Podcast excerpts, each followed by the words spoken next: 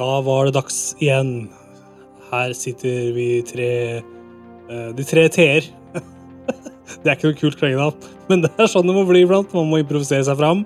Og de tre t uh, Team Audenstad heter jeg. Sitter her sammen med Tommy Myhrvold og Thomas Marinovski. Si hei, gutter. Hei, hei. Hallo! Vi har jo brukt opp uh, de tre spillmusketerer. Uh, det kan vi liksom ikke kalle oss lenger. Det, ja, det kan ikke jeg huske at jeg har hørt en eneste gang. Det, det tar vi neste uke. Det tar vi neste uke. Ja, ok, greit. Bra. Da beklager jeg at jeg har, brukt, har klart å få brukt opp før vi har brukt det i det hele tatt. Det skal ikke skje igjen. Nei, det kommer. Jeg synes alltid han Jeg tror jeg har snakka om det før. Jeg tror jeg snakka om at jeg syns han D'Artagnan, han franske, han Det er tre musketerer, og så er det han sistemann. Ja. Han som har lyst til å være Han, han syns jeg er kul. Ja. Det er han som var den kule og tøffe? Ja, ja. Identifiserer meg litt med Øduroggen som vanlig. Ja, ja. Aldri, nok, aldri kjempemasse sjøltillit, dessverre. Du, nå har vi uh, mye på gang i dag. Tommy, du har uh, eh, gleda deg veldig nå fordi Arcane uh, kommer med en ny sesong denne høsten. Nei, unnskyld, høsten 2024. Og du har jo et uh, helt, helt spesielt forhold til Arcane på Netflix. Fortell. Ja, det, det, er jo ekstra gøy, da, fordi at jeg har jo aldri spilt League of Legends i hele mitt liv. Men jeg fikk forespørsel eh, da Ja, det året den første sesongen kom, om jeg ville ha regi på den norske dubben av den. Mm. Og jeg ante jo ikke hva jeg sa ja til, så jeg bare ja, jobb, ja ja, jeg tar gjerne litt jobb. Og så er det litt gøy å få egne prosjekter og liksom følge det fra start til slutt, og det gjorde jeg i veldig, veldig stor grad. Ikke 100% men 95% Og den uh, Arcane, ass jeg så den jo før, uh, veldig, altså før hele verden, og skjønte at shit, det her er noe helt vilt spesielt bra. Og det var så gøy å jobbe med den. Og så ble den jo sluppet på Netflix, um, og det hele verden trykka den til sitt bryst, og den blei jo skrytt opp overalt. Og ja, for en serie. Dere har sett den begge to, eller?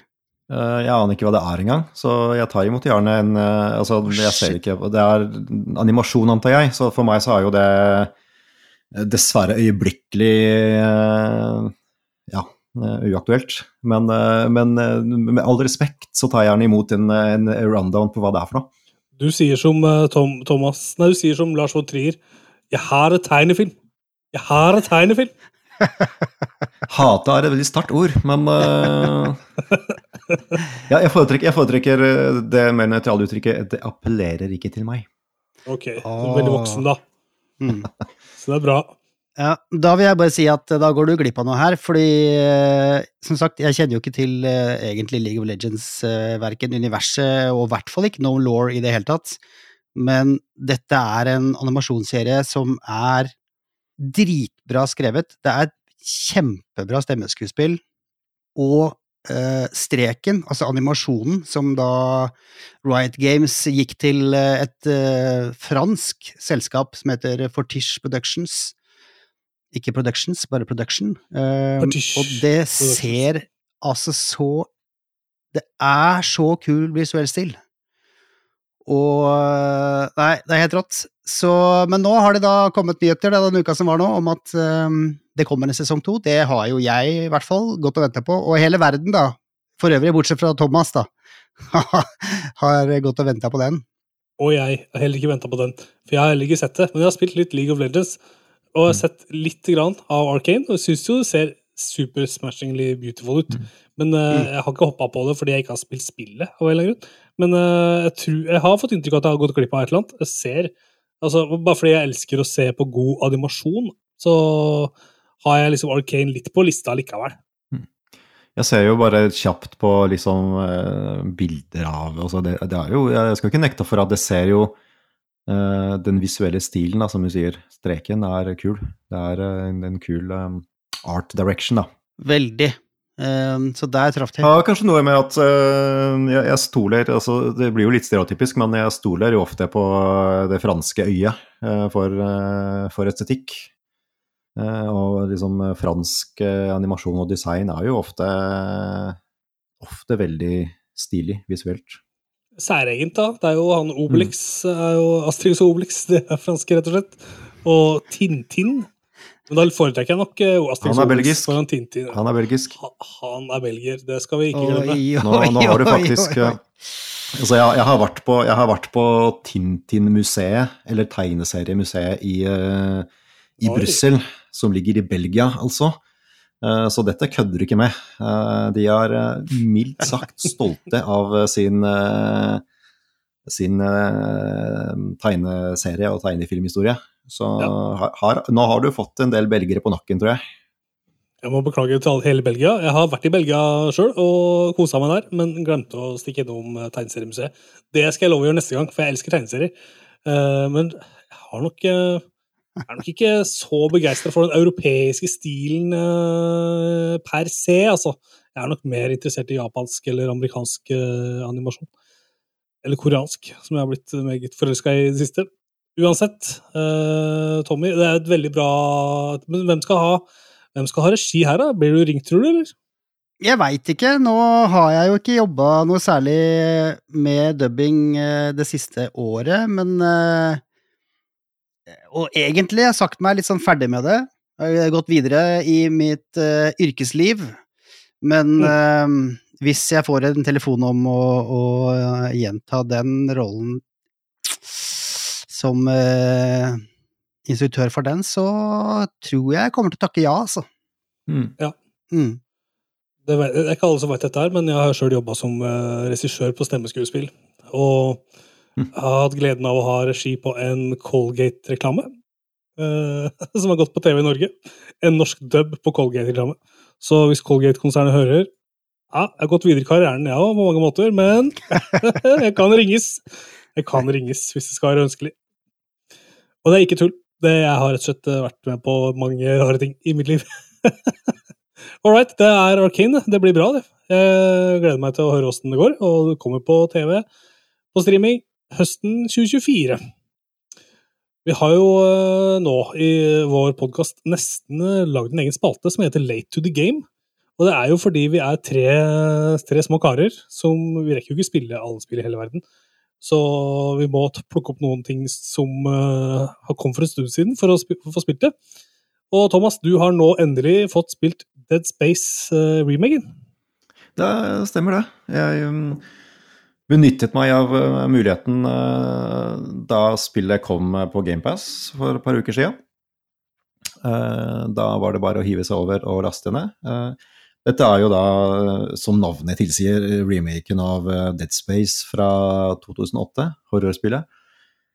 Som da kom helt på starten av dette året her, for det kom jo så tidlig som i januar, faktisk. Um, og du, du har jo anmeldt det på, på, på podkasten vår. Ja, det, Absolutt. Det, det husker jeg, men det begynner jo å bli, eh, det jo å bli et, et år siden snart. Faktisk. Som jeg tror så har du allerede glemt uh, spillet. Uh, Jeg husker at uh, Dead Space det var det, et spill jeg kjøpte meg. Jeg hadde tenkt til meg sjøl Ja. i 2024 skal jeg ikke, nei, i 2023 skal jeg ikke kjøpe noen nye spill. Men så, og så røyk du, røyk du på en smell en uke seinere. rett og slett. Og siden da så har det bare gått nedover. Og hadde helt glemt min nyttårsforsett helt fram til nå. nå nylig. Men jeg syns Dread Space var jævla bra. Jeg, jeg synes det og syns det er ganske vanskelig. Uh, kult og vanskelig syns jeg det var.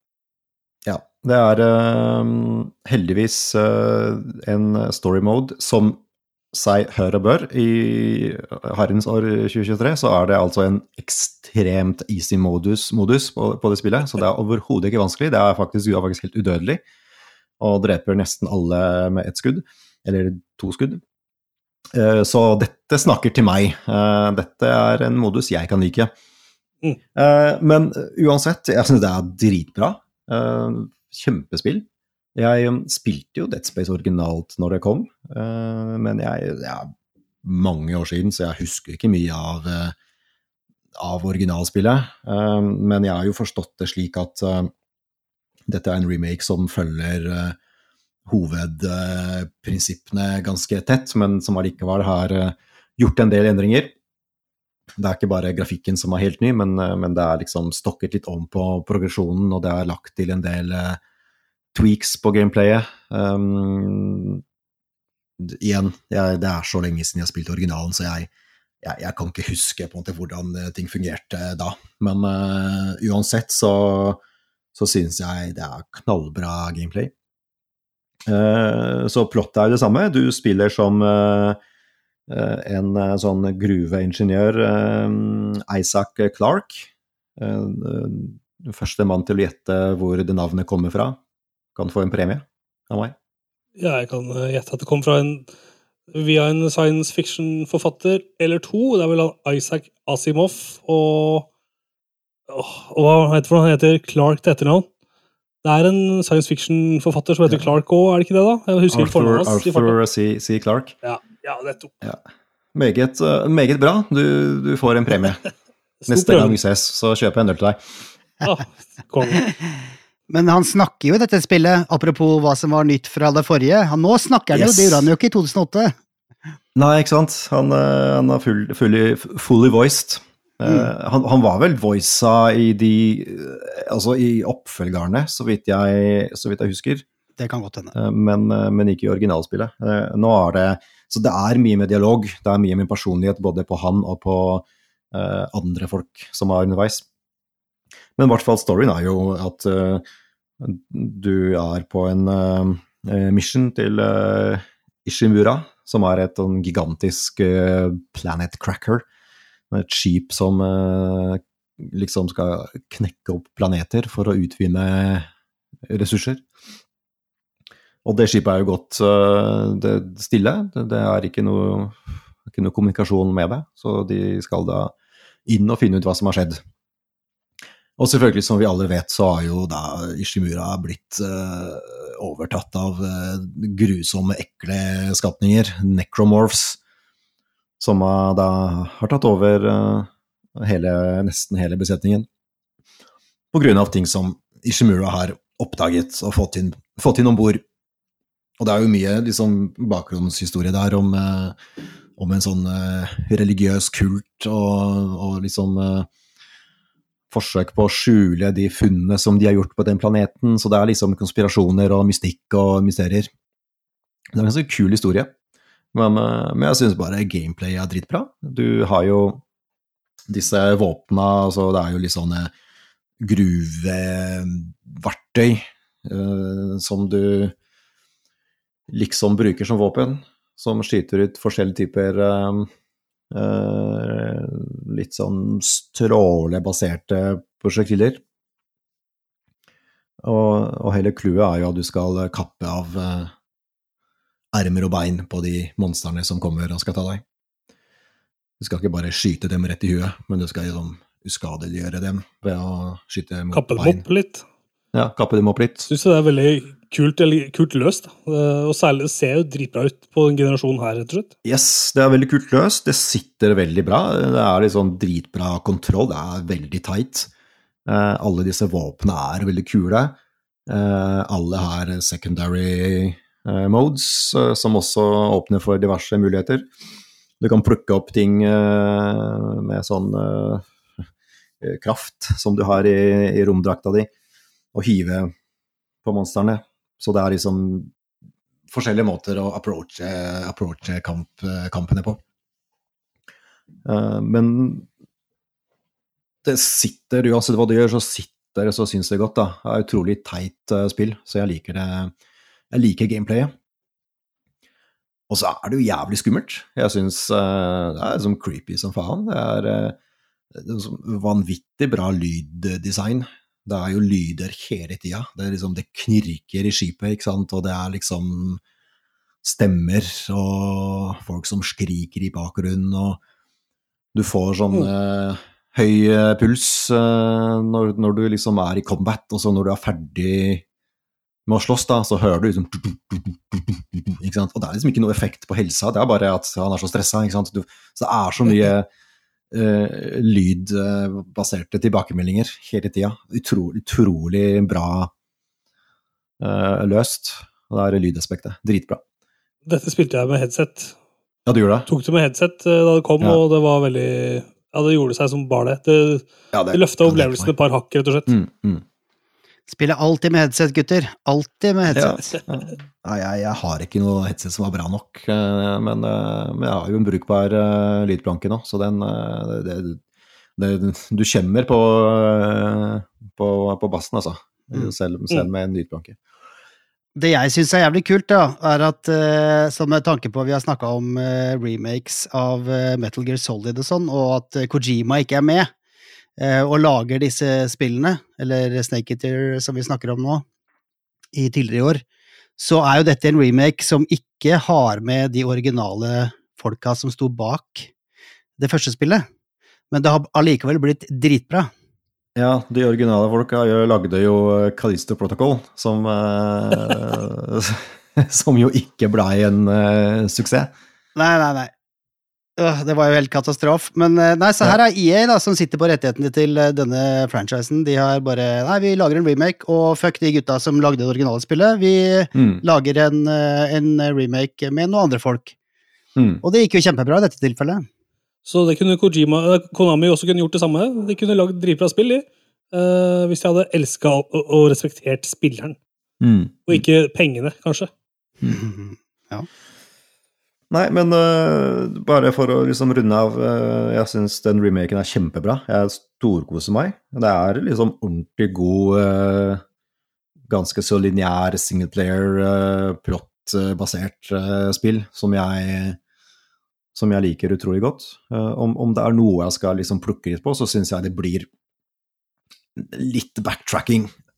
Det er liksom det er Ishimura, det er jo veldig mye ganger og korridorer og, og litt sånn uh, det, det, ser litt likt ut til tider, og så, så går du ofte tilbake til liksom samme områder hvor du har vært, og det er litt sånn oi, har jeg egentlig vært her, eller er det her nytt, fordi det ser såpass likt ut? Og så skjønner du at ja, her har du liksom gått uh, tre ganger tidligere. Så det blir litt mye, litt mye backtracking i ganske repetitive miljøer. Uh, men, men, det er egentlig bare plukk, for jeg syns det er fortsatt like gøy, og det kommer alltid noe overraskende og nytt rundt hjørnet. Det, har de jo, det jobba de jo med, med remaken, det har jeg i hvert fall hørt. Fordi det var jævlig mye kjipere backtracking i originalen. Okay. Her, har, her, mm. forandrer de på miljøene. Ofte så eh, Kanskje lyset har gått siden sist du var der, da. Mm. Mm. Eh, så bare, det er en helt annen følelse. Men, eh, men jeg er helt enig med, med begge dere. Dette her eh, dette er et av de spillene jeg eh, har på lista, på shortlisten min over uh, Goaties i år, faktisk. Definitivt. Mm. Spennende om de kommer til å liksom hive seg på toeren og treeren og så remake de, eller om dette er liksom one-off. Jeg har ikke hørt noe har ikke hørt noe om det, uh, hva, de, hva, de, har tenkt å gjøre videre. Men uh, for de interesserte så ligger jo hele originale trilogien er jo på GamePass, og den kan jo spilles uh, når som helst. Og nå også denne nye remaken. Så det er liksom fullt spekter av Dead Space. franchisen er tilgjengelig til, til enhver tid på, på moderne spillplattformer. Og hvis man er liksom i space shooter-mood, så er det jo også sånn at System Shock fikk seg en remake i år, som også mm. er veldig bra. Og den er det bare jeg som har mm. spilt av oss, men den er veldig, veldig god, den. Så det er Dead Space, som kanskje er mest actionprega og rein action. Og så har du System Shock, som er litt sånn puzzle in uh, Sprinkle with uh, puzzles. Og så er det den siste der, som heter Åh, hva het den igjen for noe, den som ikke var så bra? Callisto Protocol? Callisto Protocol. Så det er ja. de tre. Én ja. som du styrer unna, og to som du spiller, tenker jeg. I don't know what happened. I was supposed to take her to the fireflies and walk away. Because of her, they were actually going to make a cure. The only catch Sweet Jesus. Doctor? What are you doing in here? It would kill her. Even if we found her, or by some miracle found someone else that's immune, it made no difference. Because the only person who could develop a vaccine is dead. No! No! I know all the leads have dried up. But Joel's still out there, you know? We're gonna have to run! Why don't you say whatever speech you got rehearsed? You don't get to rush this.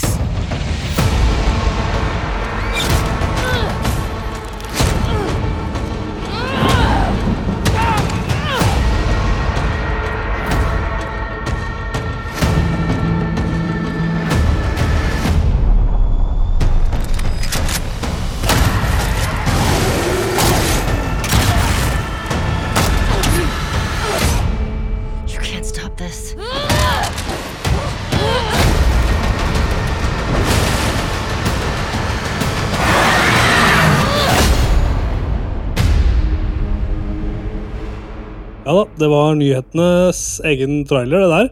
Eh, Vi seiler inn i en ny del av episoden. Og da har det kommet for i dag, da, at eh, The Last of Us 2 får sin remake Nei, unnskyld, det får sin remaster på PlayStation 5. Og det kommer den 19. januar. Og det skal koste 10 dollar å oppgradere til eh, denne nye pakka her, da. Og er dere gira, eller? Jeg er litt gira jeg, på den. Jeg gleder meg til å spille det. Et langt spill, da, men jeg gleder meg. Lang, langt spill. Jeg husker jo det var det er et fantastisk spill. Men det, det var liksom den ene tingen som jeg også var litt sånn Det, dra, det draga litt. Det var noen, noen perioder hvor det var litt sånn eh, Ok. Er det enda et sånt nytt område med sånn suburban, suburban houses å gå gjennom når jeg trodde jeg var ferdig? Men, eh, men utover det så, så synes det er jo selvfølgelig en, en, moderne, en moderne klassiker. Jeg gleder meg, jeg, altså. Jeg spilte jo gjennom remaken av part 1, part 1, Mm. uh, i fjor, og jeg syns jo det, det blei kjapt uh, fjorårets beste spill, det. Uh, og, og det de gjør nå, er jo på en måte Det er jo ikke en Altså, del to er jo mye nyere enn eneren, så det er jo ikke så omfattende eh, oppussing som må til. Det jo Det blir jo bare liksom litt pussa opp til PS5-standard med bedre loading-tider og litt sånn skarpere ja, triggers, haptic triggers og, og litt liksom skarpere teksturer og, og, og bare litt sånn litt bedre visuell pakke. Men eh, det, det blir jo nok ikke noe sånn dramatisk eh, oppgradering, sånn som det var fra originalversjonen av Last of Us 1 til den remaken som kom. Men det kommer til å se dritbra ut. Jeg ser jo at allerede så er det masse folk på internett som hater på det her, da, og poster sånn Se, her er bilde av den originalen, og her er bilde av remaken, det ser helt likt ut. Øh, skal faen ikke spille det, kjøpe det spillet her. Og så bare sånn Nei, ok, drit i det, da. Hvis du har spilt det på PlayStation 4, så koster det deg 10 dollar å få den PlayStation 5-versjonen.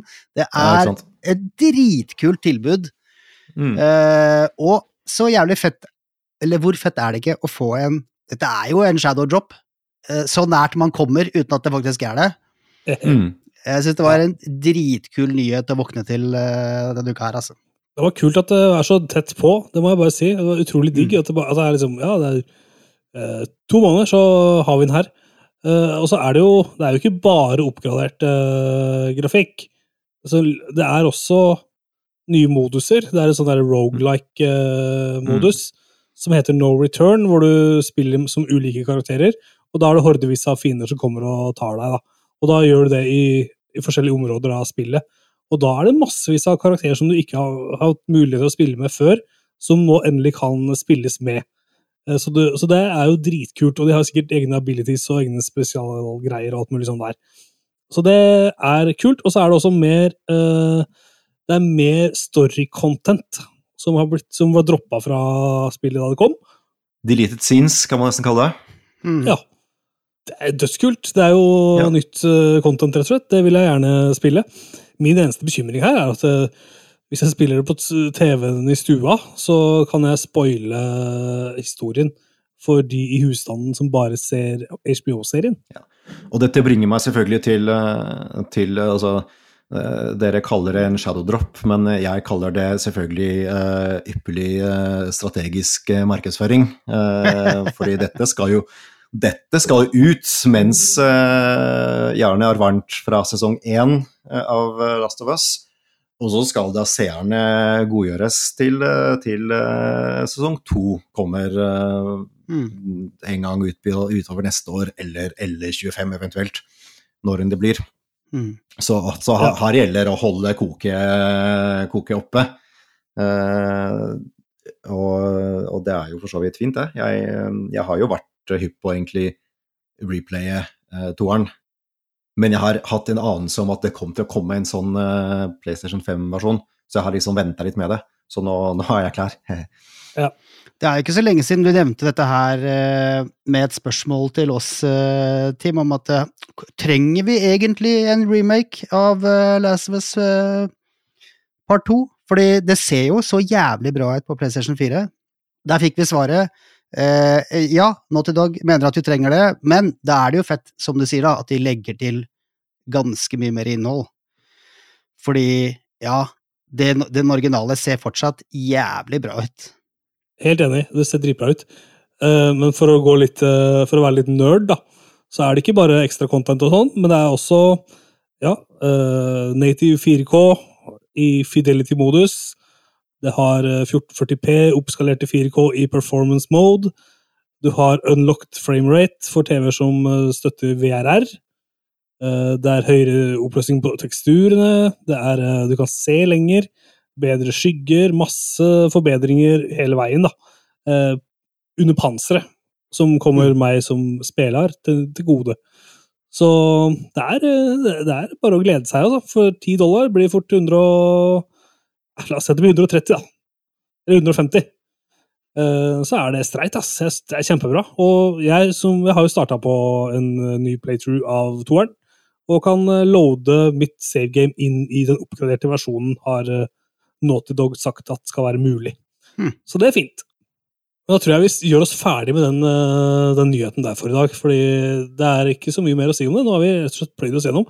Så er det to måneder, da. Får vi se om det blir Game of the Year neste år. Du, eh, jeg har en eh, litt mjukere nyhet her. eh, Og mjuk i ordets eh, humoristiske forstand. Hva? Mjuk og varm, tenker jeg. Og god, ikke minst. Nå kan du strikke din egen genser i Saga-mønster, altså genseren til Saga i Alan Wake 2. Og eh, det her er det bare én av tre som har runda det spillet, altså. Eh, men jeg har jo fått med meg den genseren, som er litt kul og koselig og finsk. Og nå kan du gå inn på nettsidene til eh, spillet, og så kan du laste ned en PDF med strikkemønsteret til den genseren. Og gratis, eller? Det er gratis, ja. For det har jeg skjønt eh, etter at jeg har vært en tur på fjellet med mutter'n, at uh, strikkemønsteret, det er ikke gratis. Nei, det er sant, det. Koster litt penger. Så må, så må du ha du må ha garn òg, så det blir fort dyrt for en strikka genser. da. Absolutt. Jeg skal lurer på om jeg skal få oversatt den, det strikkemønsteret til norsk. Og sende det eh, til min mor, kanskje. Så hun har noe å drive med i vinter og strikke til sin kjære sønn. Sin elskede sønn. Jeg gleder meg til at vi skal ha sending i mars, eh, og du kom, sitter der med den. Og svetter og holder på. Ja, det, det gleder jeg meg til, men da må du ha vinduet oppe, da, sånn at ikke svetter i hjel. Men ja, det blir topp, det. Det blir chip topp. Du, vi har en nyhet her om eh, Dave Filoni. Hæ? Det har jo navnet på alles lepper, og særlig mine lepper. Han har fått en ny, ja, mer omfattende rolle hos Lucasfilm. Tommy, det var du som gjorde meg først oppmerksom på denne nyheten. Hva er, hvem i helsike er Dave Filoni, and why should I care? Han har veldig pen i cowboyhatt. Ja, det er liksom eh, greia hans. Han er alltid i cowboyhatt. Uh, og det er blitt som litt varemerket hans. Nei, men eh, altså, han har jo jobbet fryktelig mye med animerte ting for uh, Lucas. Film. Jeg har et tegnefilm. Jeg har et tegnefilm. Ja, tegnefilm. Han sto bak uh, Clone Wars-serien. Det er også en grunn til at jeg ikke var så altså Selv om jeg digga Asoka-serien, så var jeg jo aldri helt up to date på Lauren i altså bakgrunnen. Fordi jeg ikke er tolv år og ikke ser på tegnefilm. Tegnefilm. Animasjones. Hold kjeft, la meg forklare. Du, du stilte meg spørsmål, nå skal du få høre. Nei, han, han eh, eh, sto bak eh, Clone Wars-serien, den animerte, eh, som ble en kjempesuksess. Eh, og så lagde han Star Wars Rebels, som var en jævlig kul serie, og så lagde han noe som het Star Wars Resistance, som ikke var like fett, før han tok eh, steget over i, i live action, eh, og var eh, executive, eh, eller hva han egentlig var, på The Mandalorian, men han var jo en av to som dro i gang den. Mm. Og siden så blei det vel også Var han vel også så vidt med på Boba Fett, eller? Og så var- rakna det helt, for da var han ikke med på liksom Obi-Wan Kenobi og sånn. Men så var det jo da selvfølgelig Asoka som bare Jobba han med Andor eh, også, eller gjorde han ikke det? Nei, nei, det, Nei. det var noe helt andre greier. Ja. Uh, nei, han har en eh, Altså, jeg som sagt, jeg jobba jo også på den norske versjonen av uh, Litt på Clone Wars, hele Rebels og hele Resistance. Og da jeg så Mandalorian og sånn, så, så kjenner jeg igjen veldig mange av de visuelle grepene, da, og Mm. story-grepene. Så han har liksom egentlig fått en ganske sånn distinkt greie også. Så Men nå har han da blitt Hva er det sto for noe? Chief Creative eh, Officer. Ja, nemlig. CCO. Alle disse bokstavene. COO, CCO Han er CCO i, i Lucasfilm nå. Og det betyr jo Jeg håper jo at han skal få en rolle i alle Star Wars-tingene som Disney gir ut framover. At han Mm. skal sitte med det siste seiet på hva som blir produsert, og følge liksom den røde tråden. Litt sånn som uh, han Kevin Feige har gjort, med stort Mm, hell. I mm. hvert fall i de første fasene i Marvel uh, Cinematic Universe, da. Mm. For det å ha én person med den know-howen og den kunnskapen og den kjærligheten som Dave Filoni har for Star Wars, det har vi alle som seere bare å vinne på, liksom. Mm. Absolutt. Jeg håper eh, han klarer å rette skipet når det gjelder eh, live action-filmer, altså ordentlige kinofilmer, fordi det er jo vært stille der på mange år. Og hver gang man hører om et nytt eh, prosjekt, så går det en måned, og så er det kansellert. Det, det er jo ikke noe fremgang på noe. Så jeg håper han klarer i hvert fall å ta et ordentlig tak der. For jeg jeg liksom greit nok med de seriene, men jeg savner, eh, jeg savner liksom Jeg savner nye Star Wars-filmer. Jeg har lyst til å dra på kino og se på Star Wars. Mm. Jeg er enig. Jeg tenker, hvis noen skal klare å få landa noe fett der, da, så tror jeg eh, Mr. Filoni er eh, Han er rett mann på rett plass, tror jeg, altså. Mm. Save me, Mr. Filoni. You're my only hope, Mr. Filoni. Du, eh, vi har eh, fått eh, nyheten nå fra gamer.no om at det er kommet ny sjef i Good Game. Og i gamer.no, ikke minst. Det er en fyr som heter Erlend Blakstad. Han er tidligere utvikler. Han har vært utviklingssjef i sjappa. Og nå tar han steget inn i rollen da, som daglig leder. Og det er jo det er jo gamle venn eh, Erling Rostvåg som har hatt denne rollen i årevis. Men han eh, stikker nå videre og skal jobbe med andre ting. Så da blir det spennende å se da, om eh, gamer og hele skuta setter ny kurs. Eller hva tror dere, tror dere karer? Kommer vi til å merke at det er ny, ny sjef i stolen? Arlen er jo min eh, gamle venn, han òg, og han eh, har jo en og alene skylda for at jeg sitter nå med, med Gmail og ikke Exchange som e-postklient, og jeg avskyr Gmail. Eh, jeg hadde by far foretrukket og brukt Exchange og Microsoft-produkter en dag i dag, men det gjør jeg ikke. Og, og det er Arlen sin skyld. Så han kommer sikkert, til å tvinge Nei, han har jo vært utviklingssjef der eh, lenge, så han har jo sikkert uh, tvunget dem for lengst inn på dårlige løsninger. Anyway, uh, la oss, uh, la oss um, krysse fingra for at uh, han kommer til å lede eh, han, han er vel liksom e-sport-biten som er hans eller ansvaret der, eh, i hovedsak, er det ikke det? Det er liksom ikke så mye reaksjonelt, men mer e-sport-biten. Ja. Um, jeg, jeg, har jo, jo gamer.no bokmark, bokmarked som, uh, som um, gamer.no slash uten sport. sport. Mm. De har jo en egen forside som, uten e-sport, uh, som jeg går inn på. Uh, Ja. Så hvor du får kun spillstoff som handler om faktiske spill, og ikke e-sport. Det er jo en egen greie, det der med e-sport og sånn. Eh, det er litt sånn egen, egen interesse, uh, syns jeg. Som ikke egentlig handler så mye om I hvert fall ikke den gaming, biten av gaming som interesserer meg, da. Eh, fordi jeg, for det, jeg klarer ikke dedikere meg til et spill i ti år og bli god i det. Jeg har lyst til å oppleve masse forskjellige ting. Ja. Uh, og er ikke så opptatt av lag og hele den pakka der sånn. Det som jeg merker meg, er at eh, dette skiftet her kommer ja, Nå har de jo hatt en sånn derre De har hatt en uh, Folkeinvest-greie som var for noen måneder siden, og da klarte de å nå et ganske bra mål på det. Så de henta inn uh, massevis av penger. Så har de Mm. sikkert etter det tatt noen skikkelige runder i selskapet, og så har de uh, landa på det sånn som det er nå. Eh, og da har de også beslutta da at de kjøper seg ikke ytterligere inn i eh, level up, men viderefører det, samme, vi- vi- viderefører det samarbeidet som de allerede har, da. Mm. Hvor de eier halvparten, hvis jeg ikke husker feil. 49% eller 51% noe sånt. Så det er, eh, det er den nyheten. Vi eh, er i mål med dagens nyheter. Eh, og nå, hva med dette?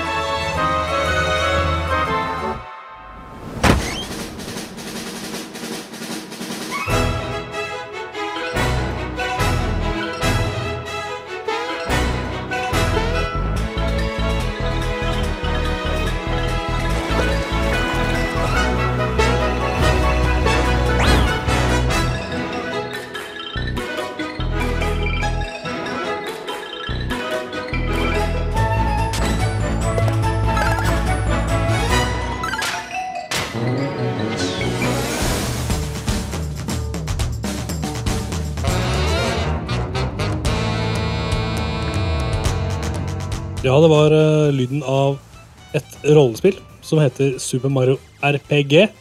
Hva sier du? Uh, Super Mario uh, og RPG sammen? Nei, nå har jeg aldri Og jeg har jo aldri heller, for det er første gangen jeg har spilt dette her. Det, men det er et gammelt Mm. spill som kom i ja, Det var jo 96 back in those days. Det er et kjempegammelt uh, Super. Nintendo-spill. Ja, det er eldgammelt. Som På den tida der så hadde de litt sånn 3D-aktig grafikk, og det så liksom, ja, liksom fabelaktig ut. Eh, Visuelt. Så både fa fabelaktig ut og liksom supercrappy ut på en og samme tid. Så, men det var jo veldig sånn, da det kom, utrolig nysgjerrig på hva slags rare greier dette her er. Og Super Mario elsker jo det, og på den tida der elska jo også Squaresoft, som det het da. Da de, det var jo den tida da Square holdt på med Final Fantasy 6 og 5 og de 2D-RPG-ene sine, Chrono Trigger og mange andre ting, som i dag har blitt eh, legendariske spill.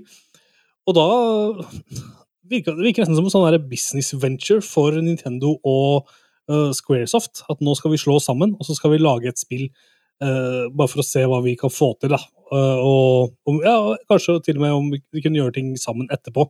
Men det ble med det ene Super Mario RPG. Det har ikke kommet noen oppfølger der. Og så har det jo siden da vært et sånn derre Ok, et, et retrospill som eh, mange har vært veldig nysgjerrige på, og det har egentlig fått litt sånn der kult status. Dere er jo, vi er jo omtrent på samme alder, men jeg tror ingen av dere to har spilt eh, RPG Mario heller.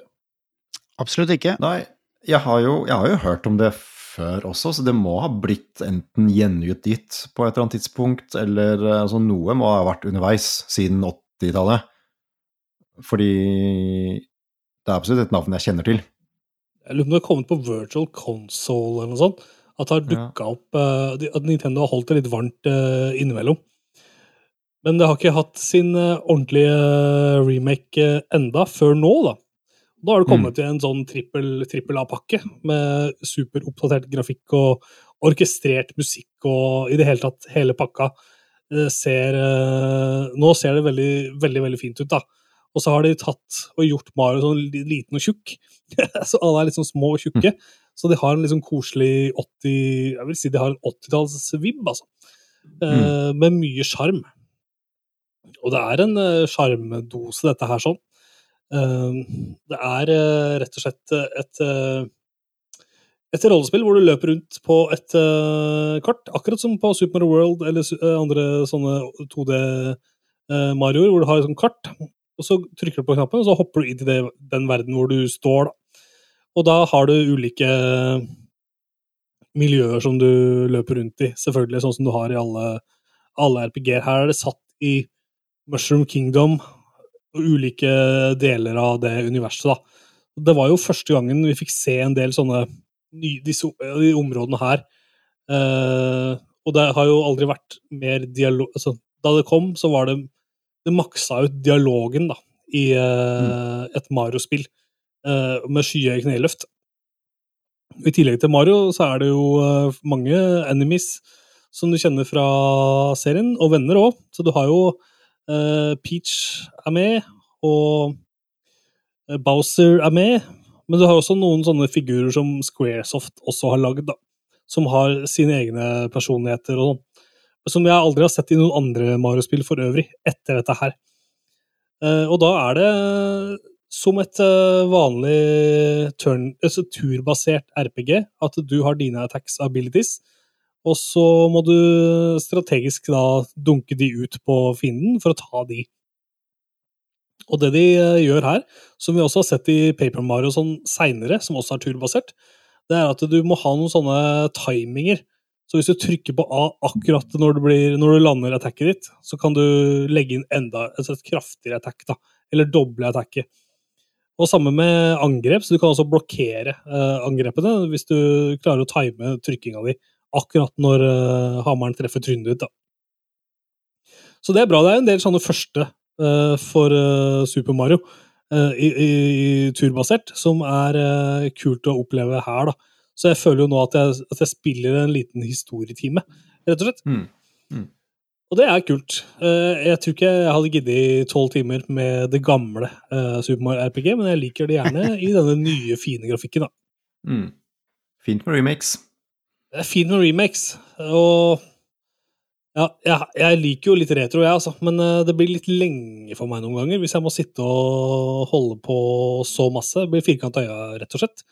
Uh, når det kommer til uh, alle spillmekanikker, så har jeg jo snakka litt om det, men det var en det var ganske mye mer tilgivende enn uh, mange andre rollespill som kom på den tida. Så hvis du mister en i partyet ditt, så kan du resurrecte den personen, og da er den tilbake igjen med full helse. Ikke som i Final Fantasy 6, hvor du har bitte, bitte litt helse, og du må bruke en Mm. potion på toppen. da, Mm. for å... Så det er en mye snillere RPG. Det er, det er et ganske enkelt spill, rett og slett. Og det har også en, en såkalt breezy modus.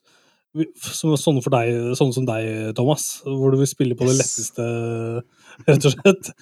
Og da er det bare for å dundre gjennom historien, da. Er det noe humor her, eller? Er det litt sånn uh, Paper Mario Lattis, eller er det Ja, hvordan er det? Jeg synes, det er ikke det. Det er, eh, det er søthet i fokus. ja. Det er ikke, ikke noe humor. Nei, det er ikke så Det er jo Det har jo liksom sjarm og, og litt sånn eh, artige replikker, da, men det Det er like mye humor som i Dead Space. Det kan du si. Bare litt forskjellige typer vitser. Nei, uh, Paper Mario er jo veldig velskrevet. Supervelskrevet. Og nå kommer jo det beste uh, Paper Mario også uh, i en remaster på nyåret. Og der blir det, det kommer til å bli kjempegøy. Uh, Mario RPG har litt humor, og så er det Det er mest for det er mest som en historietime, altså. Uh, her er det også uh, For å si det sånn, det er noen sånne plattformelementer i tillegg, da, til at det er turbasert. Uh, og det er ganske Det er ganske klønete gjennomført, for du ser jo alltid en sånn isometrisk synsvinkel. Så du er nødt til å følge med på hvor skyggen er, og hoppe opp der skyggen står for å klare å hoppe på nye plattformer, osv. Altså, det er, eh, det er et veldig koselig og sjarmerende spill, syns jeg. Eh, Men det er litt Det er litt for tynt, tror jeg. Og så er det litt Kanskje litt for lange sånne bossfighter. Du kan sjekke HP-en til fiendene dine, og så plutselig kommer det en fyr som har flere tusen i HP.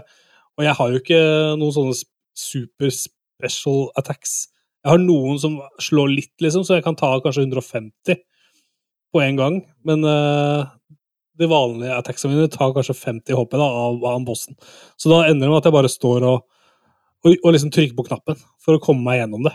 Hmm. Uh, så det er litt sånn der, ah, det er litt sånn kjedelig til tider. Men uh, det er et kort spill. Et kort RPG-spill på rundt uh, 10-15 timer.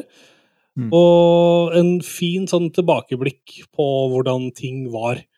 Og så må man ta det for det, syns jeg. Eh, Det er ikke et uh, must play, rett og slett, men det kommer til å bli et uh, Nice to play.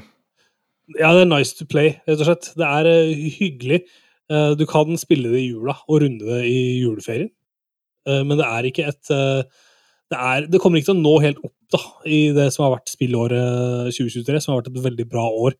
Kanskje et, i fjor eller neste år så hadde det stått, stått mer ut, da. Eh, Tommy, har du noen eh, RPG Ja. Nei, men dette er vel et fullprisspill fra Nintendo, er det ikke det? Ja da, det er fullpris, og vel så det. Det er et, eh, det er et sånn klassisk dyrt Nintendo-spill. Ja. For 10-15 timer for eh, 650 spenn. Er vel ikke en bra deal, eller? Det er ikke en, det er ikke en must play fra meg, men det er en veldig, veldig kul eh, Kult å se eh, hvordan de tenkte på den tida. Og jeg får liksom følelsen av at eh, her har Squaresoft altså, virkelig imponert da det kom, og, og bobla over en, med en del kule ideer på den tida. Og mye overskudd. Og man tenker herregud, kan de gjøre dette her i et spill? Uh, den type tanker Mm. hadde jeg fått da jeg spilte det. Hvis jeg hadde spilt i 96, så hadde jeg fått de tankene der. Um, men jeg fikk jo også det da jeg spilte Final Fantasy 6, ikke sant? Eh, og ble blåst av, eh, av banen med de spilla. Så Men det er i det hele tatt sprøtt at det spillet her fins. At de har jobba så hardt og polert det og fått det til å se skikkelig bra ut. Og sluppet det nå, det syns jeg er eh, helt uh, utrolig fascinerende, da. så jeg lurer på hvorfor. Men uh, jeg klager ikke. Jeg bare syns at det er ikke så viktig å ta det nå, da. Ja, også akkurat nå, da, eh, rett før det ikke offisielt kommer en eh, ny konsoll til neste år. Ja, Så det var jo også litt sånn overraskende timing, da. det er jo litt, eh, det er litt sånn frame drops og sånn i det spillet her. Så det, jeg syns det er påfallende. De klarer ikke å optimalisere 100% for sin egen hardware, hardware eh, enda. Så Mm. alle er klare nå for den konsollen som Nintendo har sagt ikke offisielt kommer. Vi får se. Mhm. Vi får se. Du, det er eh, Super Mario RPG. Takk for, uh, takk for meg, får jeg nesten si, uh, om det. Du, vi tar helt til slutt her, så har vi noen sånne nye anbefalinger på tampen. Og jeg uh, fortsetter å prate, for jeg har sett noe som heter Special Ops Lioness. Og det tror jeg er en serie som går de fleste under radaren, altså, for det har sånn generisk navn og litt sånn generisk eh, look and feel. Men det er altså en eh, Den har en generisk eh, streamingplattform også. Ja, Hvem, hvem faen er det som har Sky Showtime, liksom? jeg har Sky Showtime, jeg har blitt så du glad i har det. Jeg, Jeg, har Sky det. Nei, satan, er det bare meg? er det jeg som er rar? Det er koster jo 40 kroner i måneden eller noe. Det er nesten det, Ja, okay. forbrytelse å ikke ha det. det. Men det ligger en hel del ting der. Ja, de har liksom Jurassic Park og masse andre sånne store franchiser. Ja. Og jeg ser også på Twin Peaks, som jeg snakka om tidligere, på Sky Showtime. Uh, men den serien her har Nicole Kidman og Michael Kelly Michael Kelly her, med sitt velkjente fjes, som jeg føler jeg har sett overalt. Uh, og det dreier seg om kvinnelige spesialsoldater som infiltrerer IS-miljø.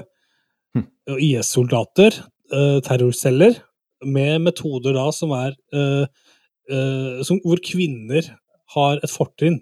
De er mer Mm. egnet for enkelte ting enn menn, da. Mm. Så en kvinne kan jo bli en venninne, for eksempel, med en jente på en annen måte. Uh, En mann kan aldri bli uh, kompis med en kvinnelig person på samme måte, da. Så de har noen sånne agenter som prøver å infiltrere miljøene, og så er det rett og slett en solid dose med testosteron, dette her sånn. Det starter med det, altså det er action og spenning og skyting og bomber og uh, hele veien en god nerve, da, som gjør at jeg blir, uh, blir gira. Og jeg har sett de fire første episodene som har kommet, og det kommer nye episoder hver mandag. Så jeg gleder meg til å følge med. Og det har en, det har en sånn der tøff, uh, kul stil. Altså. Jeg får lyst til å bli litt sånn Jeg får lyst til å få litt sånn eh, Special Ops-stil sjøl, rett og slett. Når jeg ser det. Og, og bli Du får lyst til å bli, bli venner med noen IS-terrorister. Ja, du sa det. Så kontakt oss på hei at rebootpodcast.no. Ja, nei, så det er eh, min anbefaling. eh, Special Apps Lioness. Og med det så sender jeg ballen til deg, Thomas. Du har også anbefalt. Du har også lyst til å anbefale noe i dag. Eh, bare en artig digresjon når du sier at eh, Special Ops Lioness har så generisk navn. Eh, så det brakte jo tanken øyeblikkelig til spillet Spec Ops The Line, som jo er eh, veldig infamøst for å fremstå som veldig generisk uh, Call of Duty rip-off, Uh, og så var det egentlig et kjempebra og liksom uh, ja, dypt tankevekkende krigsspill. Eh, så, så det er liksom Ja, det, det er veldig sånn, berykta for det, da. Men um, Og jeg har spilt det, jeg. Jeg kan anbefale det. Jeg kan anbefale Ja, Spec Ops ja. Line. Jeg har spilt det og digga det. Absolutt, absolutt. Um, men mens vi er inne på, på skytespill, så vil jeg faktisk anbefale uh, noe som heter Half-Life The 25th Anniversary Documentary. Eller uh, ja, Documentary. Som ligger på YouTube, som ble lagt ut forrige uke. Fordi forrige uke så var det da 25 år siden uh, det første Half-Life-spillet kom ut. Og jeg er jo øh, ganske nerd på liksom 90-tallets FPS-spill, så, så Half-Life, øh, både eneren og toeren for så vidt, øh, har liksom vært store høydepunkter for meg. Ordentlige klassikere. Eh, Og det har da blitt laget en dokumentar av Valve øh, selv, så dette er ikke noe tredjeparts. Dette er på en måte de sjæl som har stått for dokumentaren.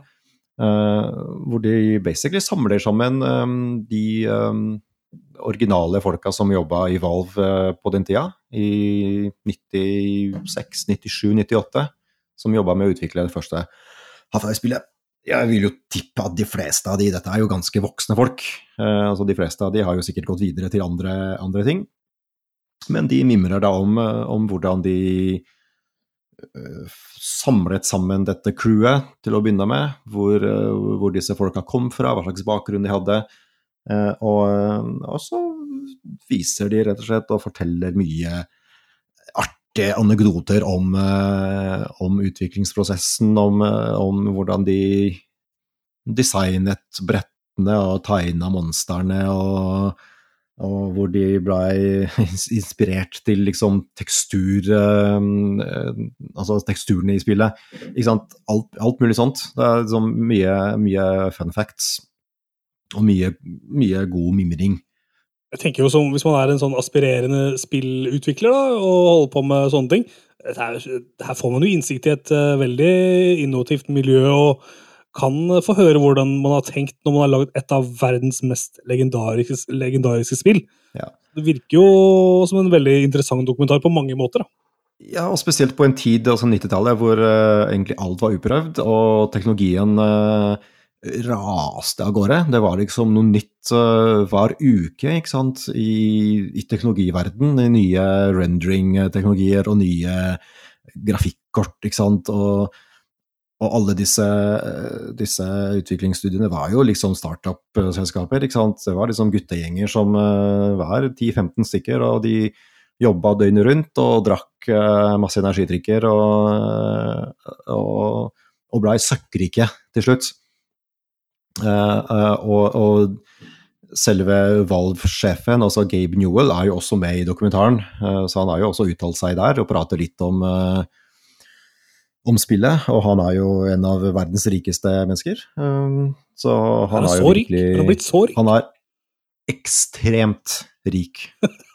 altså, han er multimilliardær-rik. han er ikke bare rik. Sånn, han har ikke det imaget på at han er så rik. Nei, han ser han jo ikke ikke så rik ut. Han er ikke så flidd uh, tech-dude, tech-bro, liksom. Det er han ikke. Nei, nei, han, og han er jo ganske stille i dørene. Han ikke, gjør ikke så mye ut av seg heller. Men uh, det, det, jeg leste jo senest i norske mainstream, altså VG, NRK-nyheter. Han var jo eh, på besøk i Norge i sommer i en ekstremt uh, overdådig uh, båt. Uh, et eller annet sted oppe i nord, sikkert. Eller på Vestlandet. mm, Der hvor det er fint å komme inn med båt, i hvert fall. Stemmer det. Så det var liksom avslørt at det var liksom Gabe Newell som var på ferie. Det var sånn, ah, what? Det, den så jeg ikke komme. Det var sånn, det var sånn russisk oligark-stil på båten, men, men det var Gabe Newell som var på den. Det var, Og Gaben, Var sånn. Gaben Ja, ikke sant? Ja, selveste Gaben. Nei da. ehm, ikke nok med at de slapp denne dokumentaren, men de, de har også patchet eh, originale Half-Life. De, de slapp en patch eh, med litt sånn eh, små grafikk-tweaks. Støtte for eh, høyere oppløsninger og, og litt sånne quality of life-fikser til dette spillet fra 1998. Eh, fordi det følte jeg var på tide. Det var liksom eh, Folk flest er liksom oppgradert fra VGA-monitorer, så det er kanskje på tide å støtte litt bedre skjermer. Hvorfor ikke? Ehm, ja. eh, en ordentlig oppfølger til Half-Life eh, snakkes det ikke om, og det, jeg gir ikke opp håpet, men eh, ja. Men vi kan nok kose oss med å mimre litt om dette gamle spillet. Ja, jeg spilte Black Mesa for noen år siden, for ganske ny, eh, relativt nylig, og det er vel en re, det er vel fan-remake av Half-Life 1, er det ikke det? Jo, det er vel en sånn, ja, en sånn eh, visuell overhal overhaling, i hvert fall. Ja, og da, da, da føler jeg liksom at jeg har spilt Half-Life, da. Og det jeg kan Ja. i hvert fall uansett bare virkelig anbefale å sjekke ut det spillet. Det er dritbra. Og det overrasker meg hvor eh, interessant de har klart å gjøre, gjøre det spillet. Det er ikke Mm. bare en fluk, liksom. Det er et jævla bra spill. Mm. Og så kom vel Half-Life Alex, dette VR-spillet, det er vel fort et par år siden, eller? Men eh, det er det selvfølgelig ingen av oss som har spilt. Det kom, i- det kom i 2020, så, så det var jo det første spillet fra Half-Life-universet på, på ti år. ikke sant? Når alle hadde mista håpet, så kom de faktisk med et Half-Life-spill, men det kom på VR. Supersmalt, liksom. Nei, ikke Ja, sant. jeg har ikke spilt det, jeg kommer aldri til å spille det. Det er trist. Ja. Før vi eh, legger på luren i dag, eh, Tommy, og takker for podkastens lytter, eh, vi må innom deg, og du har også med deg noe som jeg ikke helt veit hva er i dag. Legion? Ja, stemmer. Dette er jo en serie som er ferdig for lengst, men eh, han som er showrunner for eh, Legion, som jeg skal komme tilbake til eh, veldig snart, Noah Holly, han er superaktuell i dag, fordi nå har Fargo sesong fem akkurat Mm. sluppet, og han er Og det er en serie som alle har hørt om i de siste åra. Um, går på, likevel på HBO, hvis jeg ikke tar helt feil. Stemmer Fargo er superkult, og han er showrunner der også, men så tenk tanken der, hvis du syns Fargo er fett, eh, og tenker jeg har lyst til å sjekke ut noe annet som han showrunneren har laget, eh, for han veit sikkert hva han driver med, og jeg syns også det er gøy med litt sånn litt sci-fi og litt mør enda litt sånn mørkere ting, så er det en serie der ute for deg, og den heter Legion, og jeg Mm. kan ikke få sagt hvor fet den serien er. Mm. Har dere sett den? Nei, du har ikke sett den, Tim? Ikke sant? Ikke jeg heller. Eh, Relativt eh, Navnet ringer en bjelle, men eh, ja, you got my eh, attention. Det er jo også egentlig eh, en Marvel-serie. Og er det noe X-Men-relatert? ja, det er X-Men-relatert. Ja, ja. det er en tegneserie, egentlig, eh, og den handler om sønnen til Charles Xavier. Mm. Han har ekstreme telepatiske krefter. Og han blir helt ødelagt av det. Så dette er liksom Ja, det er sci-fi, det er action, det er drama, men det er liksom utrolig psykologiske thrilleraspekter her. Mm. Eh, Super-creepy til tider. Eh, dette er jo langt ifra noe del av eh, MCU. Eh, og det er langt ifra kanon, tenker jeg også, men det er et sånt sideblikk på det. Og tegneserien er jo skrevet av Chris Claremont i sin tid, som er legendarisk Marvel-skribent. Mm. Eh, og Legion, jeg tror det var tre sesonger. Den har eh, 8,2 på IMDb, og den har navn som Aubrey Plaza på rollelista. Ja. Jean Smart er med. Jermaine Clement er med. Han er dritbra, faktisk. Så ja Den er så fet. Anbefales. Notert. Og det, hvor var det den ligger i den, sa du? Den ligger på Disney pluss. Jeg sa det ikke, men det var bra du spurte. Disney pluss ligger den på. Ja, ok. Kult. Det høres bra ut, det. Da begynner vi jaggu å Nå begynner vi å nærme oss eh, avslutninga på episoden. Eh, Tommy, hva skal du etter sending? Og jeg skal spille Dredge. Så bra. Eller det vil si, jeg skal først skal jeg redigere øh, og mase denne episoden. øh, og så skal jeg spille litt Dredge. Meta. Mm -mm. Og Thomas, skal du gå og legge deg, eller skal du gjøre noe kult? Skal du gjøre noe moro? Jeg tror de legger meg til slutt, men eh, ja, mulig jeg brygger meg en liten kopp med te og legger inn en, en 20 minutters eh, med Dead Space før jeg sover. Ah, Kan så hende. bra. Kan hende. Sjøl skal jeg skru på TV-en, og jeg skal eh, se videre på Twin Peaks, som jeg nå skal Nei, du skal se Legion. All right. Er dette en ny spalte etter spalten? ja, Det ja. er aller, aller siste spalten. spalten. Det er en fin spalte å tease det som kommer neste uke, men det var det ingen av oss som klarte. Men ja, det kan hende jeg i løpet av kanskje i kvelden også skal plukke opp Lords of the Fallen, som jeg muligens snakker om neste uke. Bra. Og med det så takker vi for i dag. Tusen takk for at du hørte på hele veien til slutten av episoden. Uh, Reboot takker for seg, og ha det bra. Ha det. Ha det.